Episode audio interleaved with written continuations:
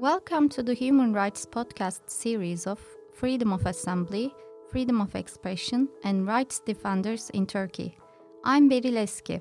Throughout the three episodes of this podcast series, produced with the support of the Association for Monitoring Equal Rights, the Truth, Justice and Memory Center, and the Netherlands Helsinki Committee, and in collaboration with Kısa Dalga Media, we will facilitate a better understanding of human rights in Turkey.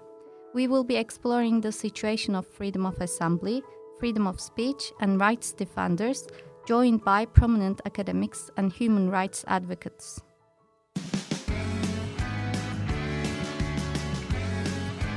Oku, dinle, izle. Kısa Dalga. Welcome, Umut. Welcome. Thank you for joining us. Uh, thank you for having me. So, we're going to talk about the freedom of meetings and demonstrations. And um, I'd like to start with the concept to, of the right to meetings and demonstrations. What are the international standards? Are they, and what's the legal basis for this right? So, in short, uh, the right to hold meetings and demonstrations, or the right to freedom of assembly, uh, guarantees our right to express ourselves collectively.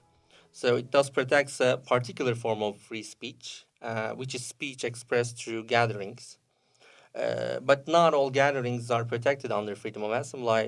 For groups of people to be considered as uh, being protected by that right, they should be gathered with a common purpose, uh, often to convey an opinion they don't have to express this opinion out loud, but uh, so the meeting can be in the form of silent sittings, for example, but they have to be there for a common purpose uh, to take part in a religious gathering, to convey an idea, as I said, to show that they are proud of who they are, as is the case in LGBT marches.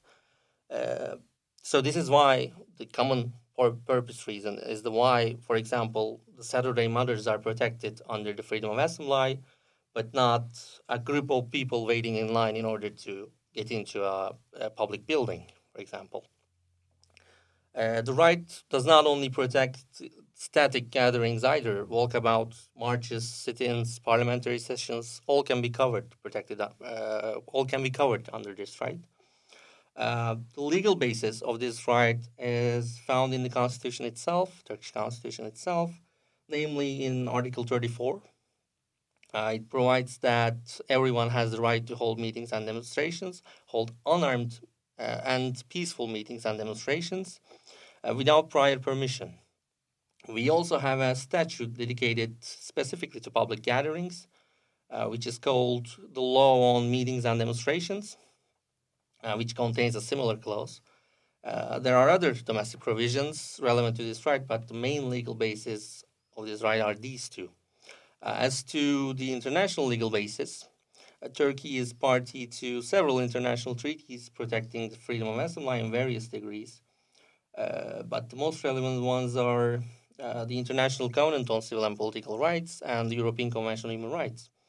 Uh, of course, there are other provisions in other international treaties, as I said, but most of today's international standards regarding this right were generated under these two and they, by the treaty bodies uh, namely Human Rights Committee and the European Court of Human Rights. So, are there any conditions to use the right to meetings and demonstrations and assembly in Turkey?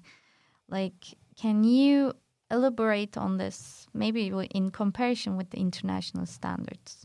Uh, so, international standards and domestic standards differ on certain points. Uh, because the Turkish law provides some other additional restrictions to this right and that do not exist among international standards. So I think it is useful to talk first about the international conditions. We can talk about two different sets of conditions. The first set uh, that I will mention are the conditions for a gathering to be protected under freedom of assembly. Uh, international standards for a gathering to be protected under this right are fairly simple. Uh, first, there should be a group of persons, as I said, gathering with a common purpose.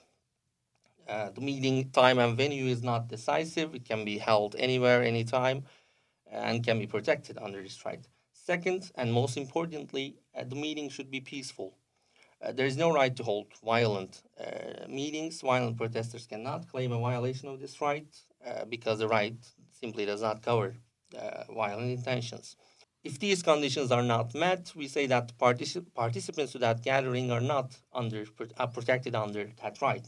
If these conditions are met, on the other hand, there is an exer- exercise of this right, and therefore the government is under certain obligations in regard to that gathering and in regard to the participants of that gathering. This, of course, doesn't mean that the governments cannot interfere with that uh, gathering under any circumstances. The right to hold meetings and demonstrations is not an absolute right, uh, which means uh, the exercise of that right can be limited under certain conditions, and this set of conditions which can be called limitation conditions, are threefold in international standards. The first one is the limitation on the exercise of this right should be provided by national law. The second condition, which can be called legitimate aim requirement, uh, stipulates that the limitation in question should pursue a certain legitimate aim, uh, and these legitimate aims that can be pursued are enumerated by the article in question. Uh, for example, the European Convention on Human Rights uh, cites national security, public safety, protection of health, protection of morals, protection of rights and freedoms of others, and prevention of disorder and crime as the legitimate aims that can be pursued.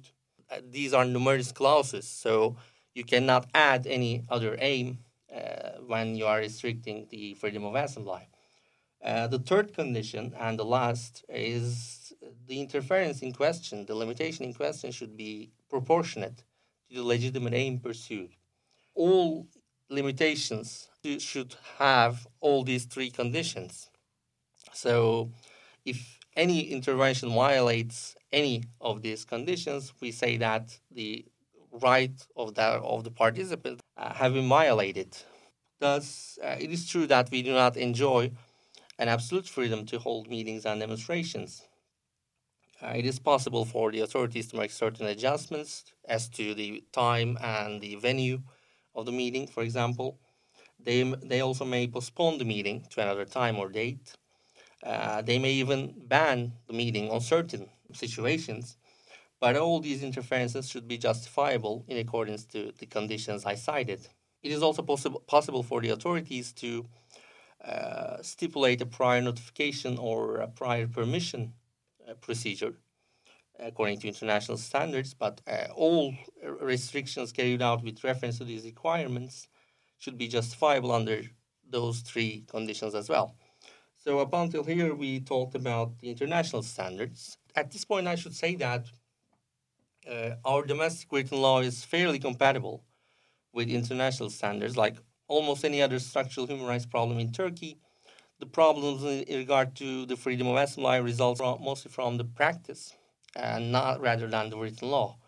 Uh, of course, some problems arise from the reg- legislation, and I will mention some of them now. But we should bear in mind that uh, most of the problems arise from the practice, not the written law itself. So, the Turkish constitution clearly stipulates that the right to freedom of assembly is to be exercised without prior permission. Uh, but it does not prohibit the requirement of notification. Uh, in accordance with that, Turkish law on meetings and demonstration requires for anyone to organize a meeting or demonstration to find six more people, form an organizing board, and notify the authorities 48 hours prior to uh, that meeting taking place. Uh, thus, in Turkish law, we do have a notification requirement, but not a requirement for permission. This is a clear fact. This is explicit in Turkish constitution, but there are great problems even in regard to that clear fact. But in paper, our prior notification requirement is compatible with international standards. Uh, but there are certain categorical restrictions in Turkish legislation uh, which are not easily justifiable according to international standards.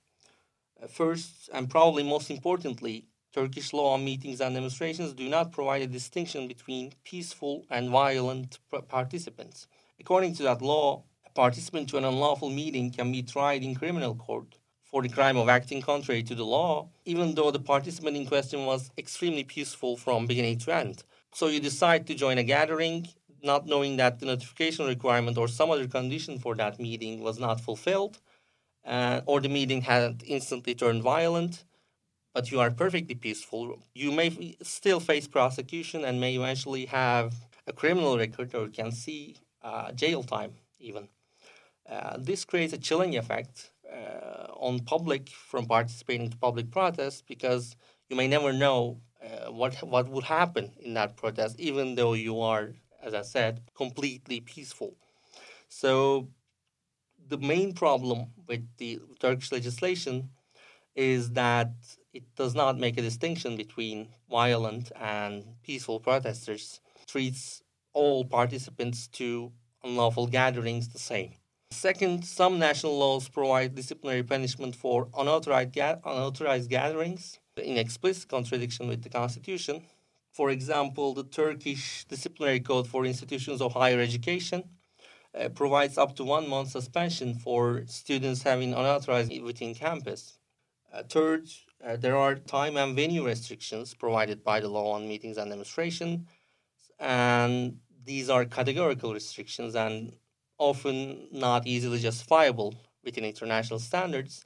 For example, there is a prohib- prohibition of holding meetings and demonstrations within one kilometer away from uh, the Turkish Grand National Assembly, and this categorical restriction uh, often would violate uh, international law.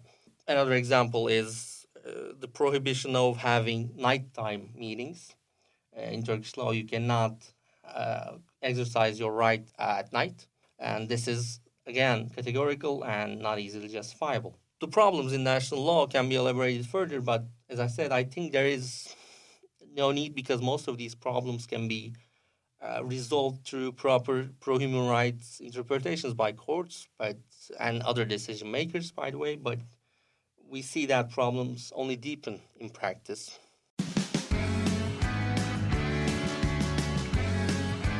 Oku, dinle, izle.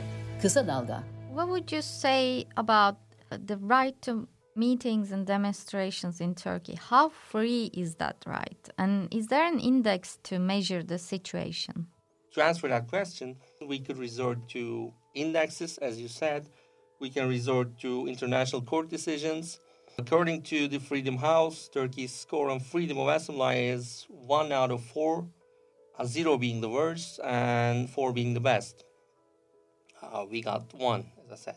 According to World Justice Project, as of 2020, Turkey has the worst score in Eastern Europe and Central Asia region on fundamental rights, including the freedom of assembly, and its global rank in that area is uh, 123rd out of 128 countries. Uh, according to the Cato Institute's Human Rights uh, Human Freedom Index, Turkey ranks 125th uh, out of uh, some 160 countries, and it, Turkey has an overall score of 5.92 out of 10 uh, its score on freedom of assembly is 5 out of 10, and its score on civil society repression is 1.9 out of 10, extremely low. Uh, these are all well known international human rights indexes. As to the international court decisions, I can talk about the European Court of Human Rights, which I am most familiar with, but I should briefly explain the procedure that I will talk about.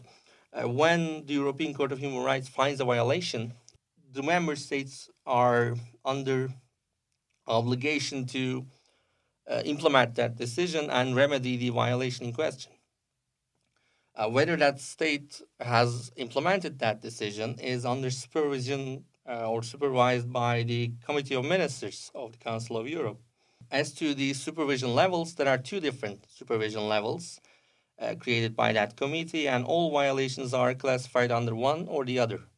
The first supervision level is the standard procedure of supervision, and the second is the enhanced procedure supervision. So, if a violation found by the European Court of Human Rights reveals an important structural uh, or urgent problem in regard to that member state, the Committee of Ministers supervises that case under enhanced procedure and more closely follows the progress. If a violation is classified as being supervised under enhanced procedure, we can safely say that that violation reveals a systemic problem, uh, an urgent problem to be solved in that state. And against this backdrop of information, we can turn to the court's website. And as of today is 26 May, uh, 96 different violations decided against Turkey. That is being supervised under the enhanced procedure. This means that the European Court of Human Rights found a systemic and urgent problem in Turkey in regard to freedom of assembly 96 different times. Uh, for comparison, uh, Russia has 55 of them, Azerbaijan has 34 of them, and there is no other state that has 10 or more of them. So, I want to break down the restrictions.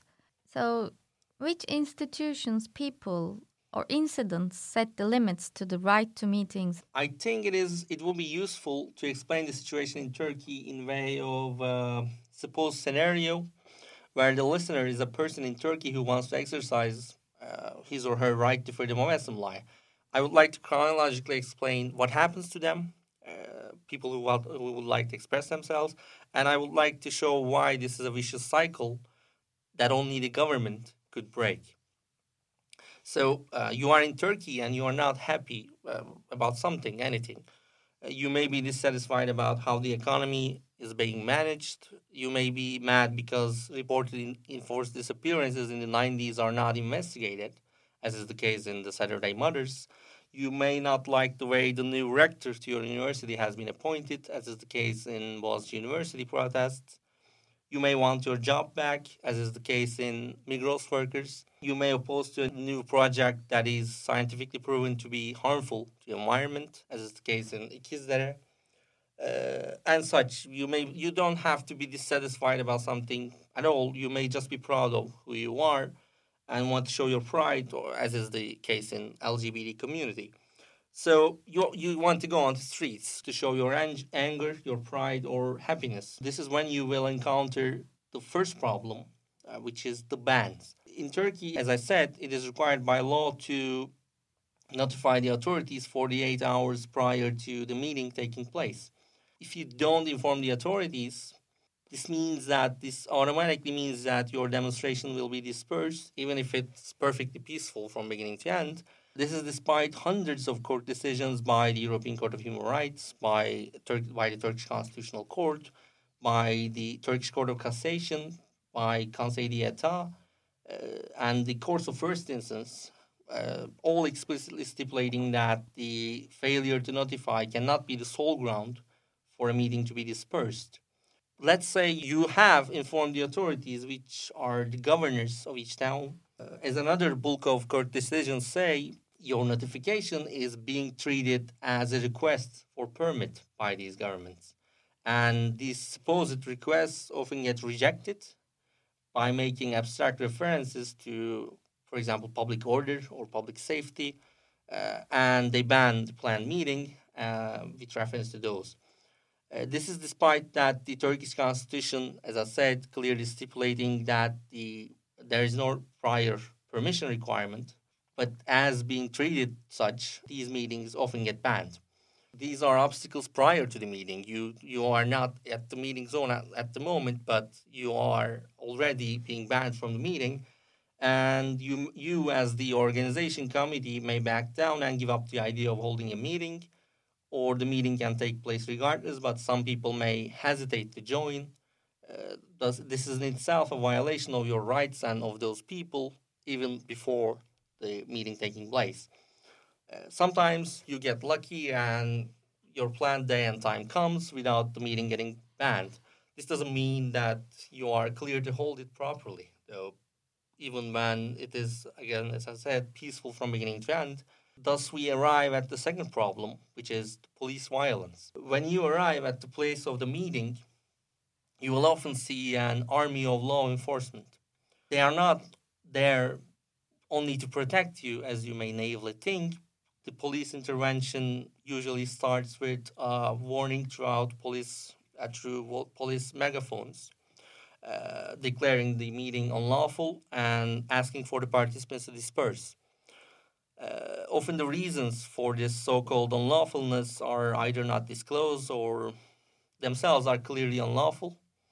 Uh, if you haven't gotten used to it by then, you may be discouraged by that announcement and leave.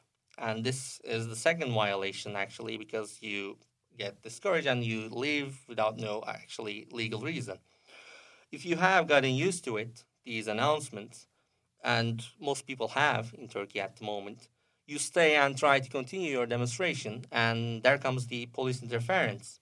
When I describe the attitude of the Turkish police in dispersing demonstration as extremely violent, uh, I'm not offering a subjective denotation. Uh, it is described as such in the reports of various NGOs, including Amnesty International, Human Rights Watch, etc., and in the decisions of both international and national courts it is so much that there are a number of decisions by both the European Court of Human Rights and, by, and the Turkish Constitutional Court finding that the police intervention to a demonstration in Turkey was amount to, to be in breach of the prohibition of torture. So the police intervention can amount to torture in Turkey, as uh, international court decisions have been found. Uh, so now you are being beaten, handcuffed from the back, sitting at a police bus uh, at the meeting venue, or you are again very lucky and you are not among those people who are being treated that way. Uh, but you are at the meeting and these people are your friends and you don't think what's happening at the moment is, ro- uh, is right, so you think it is wrong, and you take out your phone and try to record what's happening. You are now allegedly breaking another law because, according to a new directive uh, issued at the end of April, uh, I presume, you are to be prevented from recording uh, the police during protests because recording police officers while they are fulfilling their duties supposedly violates their privacy. Uh, now, you are probably under police custody, either because you were arrested by the police uh, for resisting to the call to disperse or because you were recording the incident. You may be arrested in a police raid at 5 a.m. next morning, as what happened to the students that had attended to was the protests. And here starts the third phase, which is prosecution. Uh, charges depend. It can be resistance to police, it can be insulting the president, it can be charges related to terrorism, which happens more than you would think. You don't have to be violent at all for getting prosecuted, as I said before. At this very moment, as we talk, more than 10 women are facing prosecution for insulting the president by jumping in accordance with the rhythm or jumping to the beat because the crowd were chanting uh, jump jump jump. If you don't jump you are tayyip which is the uh, middle name of the president. Uh, and those women jumped uh, to that beat and they are prosecuted at this moment uh, for the crime of insulting the president so you don't have to be violent at all. As I said, you can still pro- get prosecuted, um, and your prosecution is almost certain that during that court proceedings, you will be put under a ban on leaving the country, uh, during, uh, which may take years in Turkey. And in the end, you may get convicted and face prison even. And now you have a criminal record out of nowhere. Uh, you were just dissatisfied about something and want to take that out the streets. Uh, but this criminal record will follow you everywhere because when you apply for a job, this will come up. When you apply for a government grant, this will come up. Uh, the negative impacts of this unwarranted criminal record are endless. Uh, so you may be at times forced to leave the country if you want to have certain jobs for example, being an academic is hard when you have a criminal record. In this case, you have to apply for a residence permit from a foreign country, and again, this record will come up. At this moment, we do have uh, a great number of second class citizens discriminated on a daily basis uh, as a result of an unwarranted criminal record. At first, we have radicalized groups of people feeling fed up from being left out, all being the result of a meaningless negative attitude towards the people's freedom of assembly. Uh, and this is a vicious cycle. When the government is unnecessarily harsh, and when these are what happen to people who raise their voices peacefully, it actually creates more problems for the people to complain about.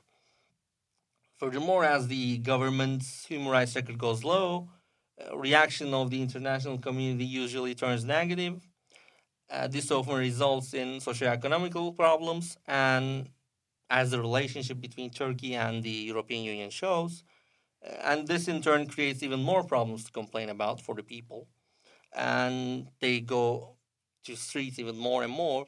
This is a vicious cycle that the government should break because people wouldn't and couldn't break this cycle. Uh, just think about the example of the Boğaziçi protest. Boğaziçi University, one of the best universities in Turkey, if not the best, was generally known as a liberal school, and their students and faculty were mostly away from politics. Uh, in fact, they may have been one of the furthest away universities from daily politics in Turkey. And at this very moment, the first example comes to mind is the students and academics of Boğaziçi, Boğaziçi University. They were beaten, jailed, suspended from university. Academics protest the rector every day because of um, sticking up with an unwanted rectoral appointment, uh, an undemocratic rectoral appointment.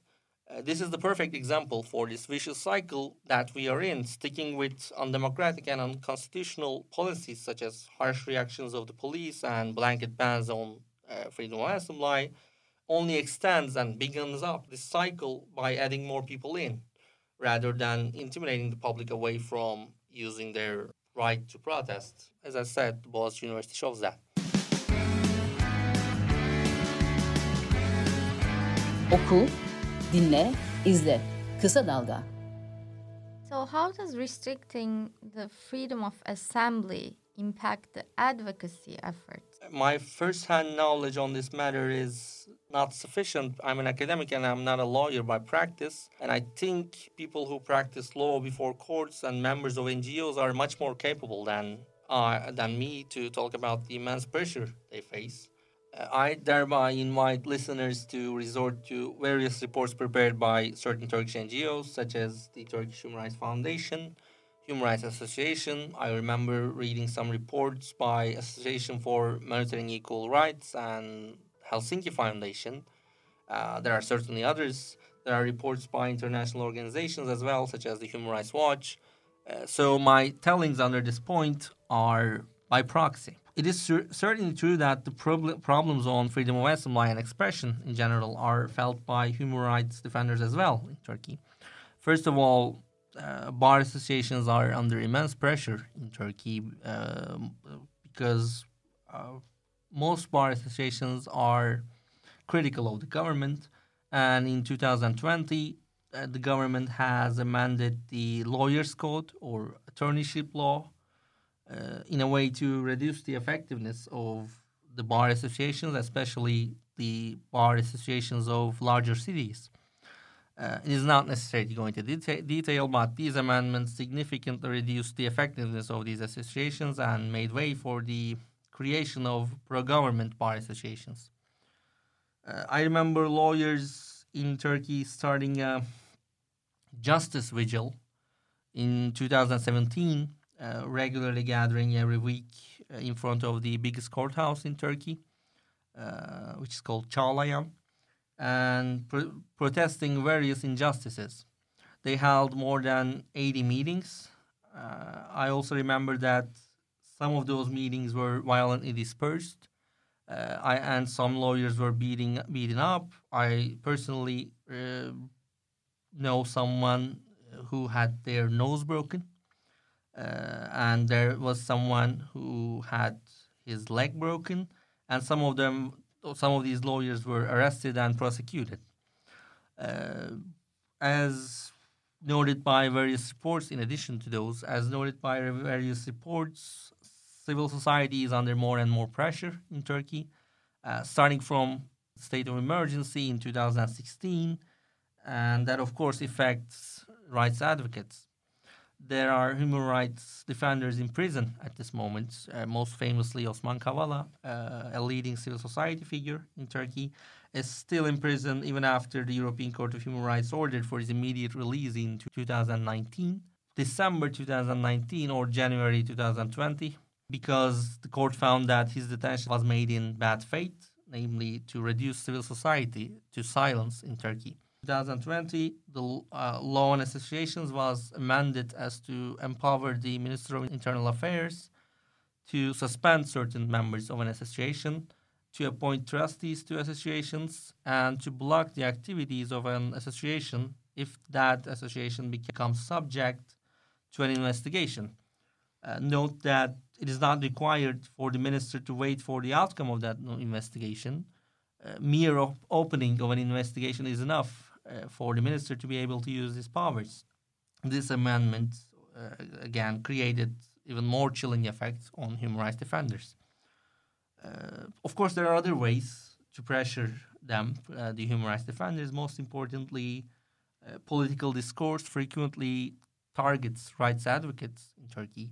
It is really easy for anyone to be called terrorist in today's Turkey, uh, as politicians' use of that word is extremely loose.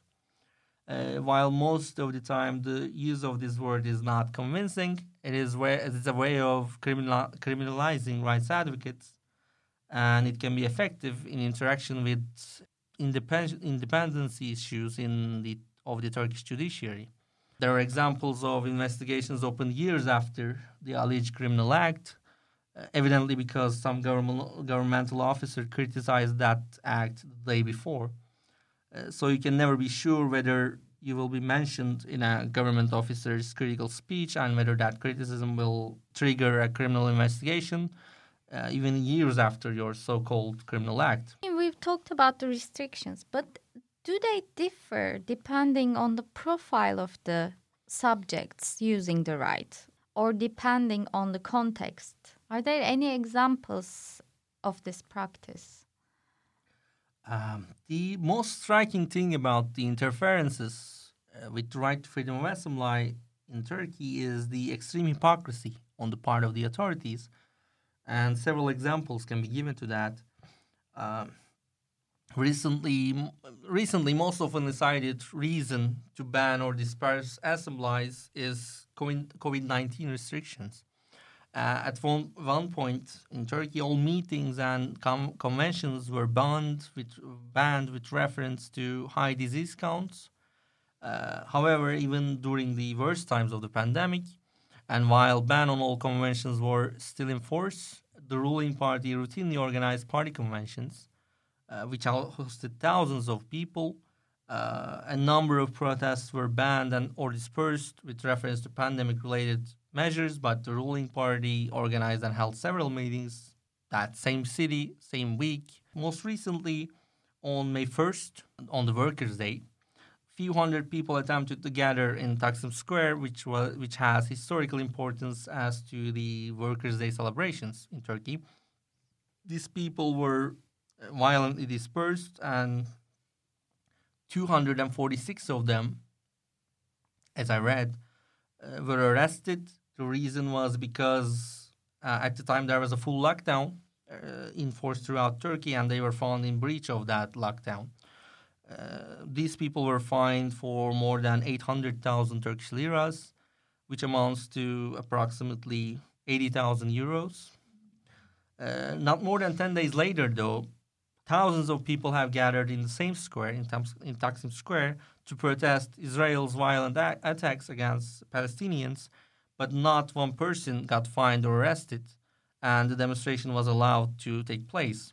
Uh, full lockdown was still in force, mind you. Uh, a, a, couple of days after the Israel's protest, the Turkish Football League was ended, and the supporters of the champion team went into the streets, and they were allowed as well.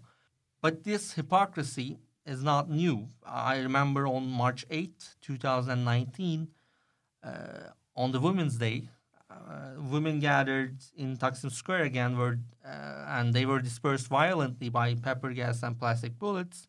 On the same night, uh, or on the next day, an Islamist group has gathered in the same square to protest some slogans chanted by those women, and that Islamist group was allowed to hold that demonstration, even though uh, hours before, women were dispersed in, from that square. What's the price of using your right to assembly beyond its limits? You get targeted by politicians. You get you got slandered by them. Uh, you can be arrested. You can be detained. You can face criminal charges. You can face jail time. You can have a criminal record, and there are examples that come to mind easily for each of them. You can face all kinds of uh, negative impacts uh, when you use your right to meetings and demonstrations. There is actually no limit uh, as to what may uh, what you may suffer. So, how is the Turkish judiciary handling such cases? Uh, so, to answer this question, we should be familiar with the problems in regard to Turkish judiciary. The Turkish judiciary was restructured numerous times in the past 10 years. The Council of Judges and Prosecutors, uh, which is authorized to recruit judges and prosecutors, transfer them, promote them, sanction them, and much more, uh, is prone to undue influence by the executive and legislative powers. Uh, the structure, composition, and methods of appointment of the previous Judicial Council were changed by a constitutional amendment in April 2017. Uh, the council has now has 13 members. Four are now appointed by the president directly. Uh, the Minister of Justice, who presides over the council, and his or her deputy are ex officio members, and these are also appointed by the president. The remaining seven members are appointed by the National Assembly, and all members appointed by the parliament are to be elected by a qualified majority. And the ruling party uh, and its ally currently have enough members to constitute this majority. Uh, so, uh, in other words, to, the appointment of all members of this council is in one way or the other uh, presently controlled by the government. Uh, none of the members of this council are elected by judges or public prosecutors at this moment. Uh, furthermore, following the amendments to the composition of this council of judges and prosecutors, the numbers the number of judges and prosecutors subjected to involuntary transfers from one city to the other uh, increased substantially. Uh, the executive's influence over the judiciary has further increased following the failed coup d'etat attempt on July 15, 2016, and one third of the existing judges and prosecutors were dismissed without any individual investigation.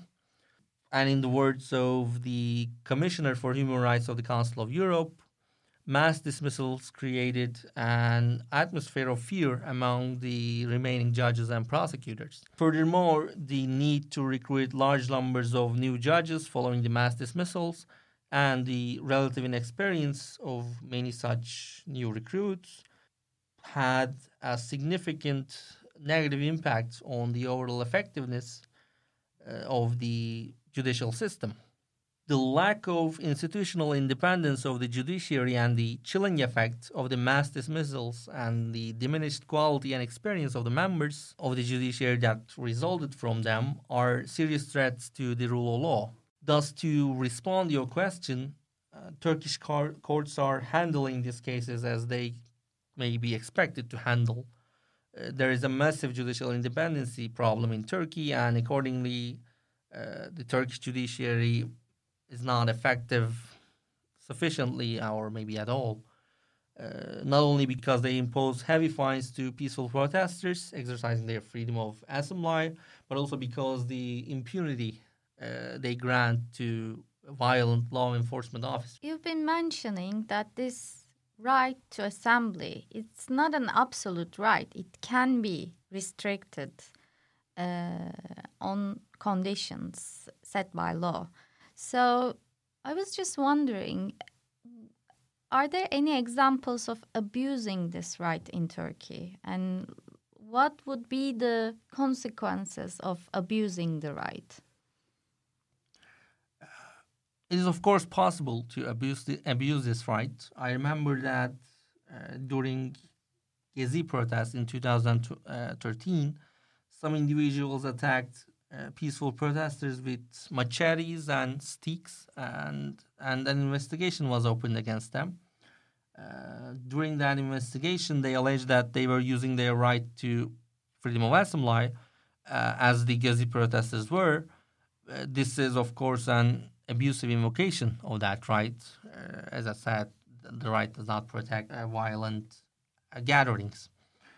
So the law on meetings and demonstrations provides several sanctions to those who abuse this right, and the severity of the sanctions uh, depend on depends on the abuse. Uh, holding a violent and armed protest, for example, is punishable by up to four years of prison. Uh, of course, violent protesters may be sanctioned on other crimes in the criminal code as well. For example, uh, giving intentional injury, uh, and as the case may be, uh, other crimes can be uh, fitted to their approach or the behavior or their behavior.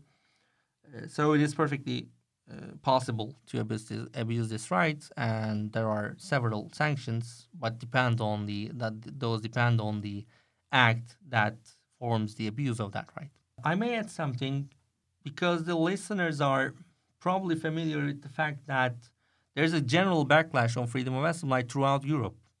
Uh, this backlash is not limited to the states with poor overall records on human rights, it goes beyond them. We may cite recently arising problems in regarding freedom of assembly in France, uh, in, in Italy, in the UK, uh, in Greece, uh, in such uh, and such. And I'm I'm particularly familiar with the situation in, in Italy, in which uh, a new law called Salvini bis had increased the severity of the sanctions imposed upon supposedly unlawful protesters uh, I am familiar with uh, violent dispersion of environmental protesters in Puglia, uh, protesting the transatlantic pipeline. We are all familiar with the Gilets jaunes or the uh, Yellow Vests movement in France and the violent clashes between them and the police. Uh, in Greece, there have been several violent attacks against anti-fascist protesters and against mig- migrant migrants and asylum seekers. Uh, so there are problems throughout Europe, and they have been increasing recently. But I think the situation in Turkey is different and worse for at least three reasons. First, uh, the violence level of the police interference is often much more than uh, most of Europe.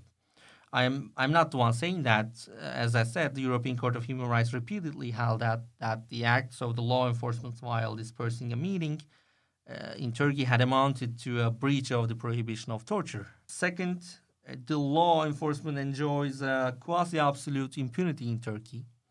Uh, I remember some French police officers being suspended after their violent attacks uh, towards people. I remember police officers being investigated and suspended in Genoa, Italy, after they have attacked a number of migrants in a train.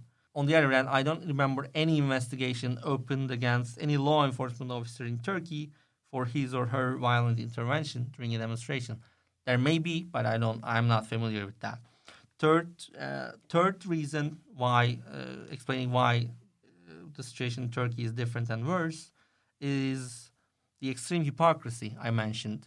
Uh, I'm not, of course, familiar with all bad examples throughout Europe, but the most obvious selective interference with the people's right to freedom of assembly arguably is happening in Turkey. Uh, I don't remember not one pro-government rally being dispersed, and I don't remember not one anti-government rally being allowed to proceed, uh, if, if it it has attracted even a tiny bit of public attention. Professor Umut Orjan, thank you for joining us. Thank you for having me.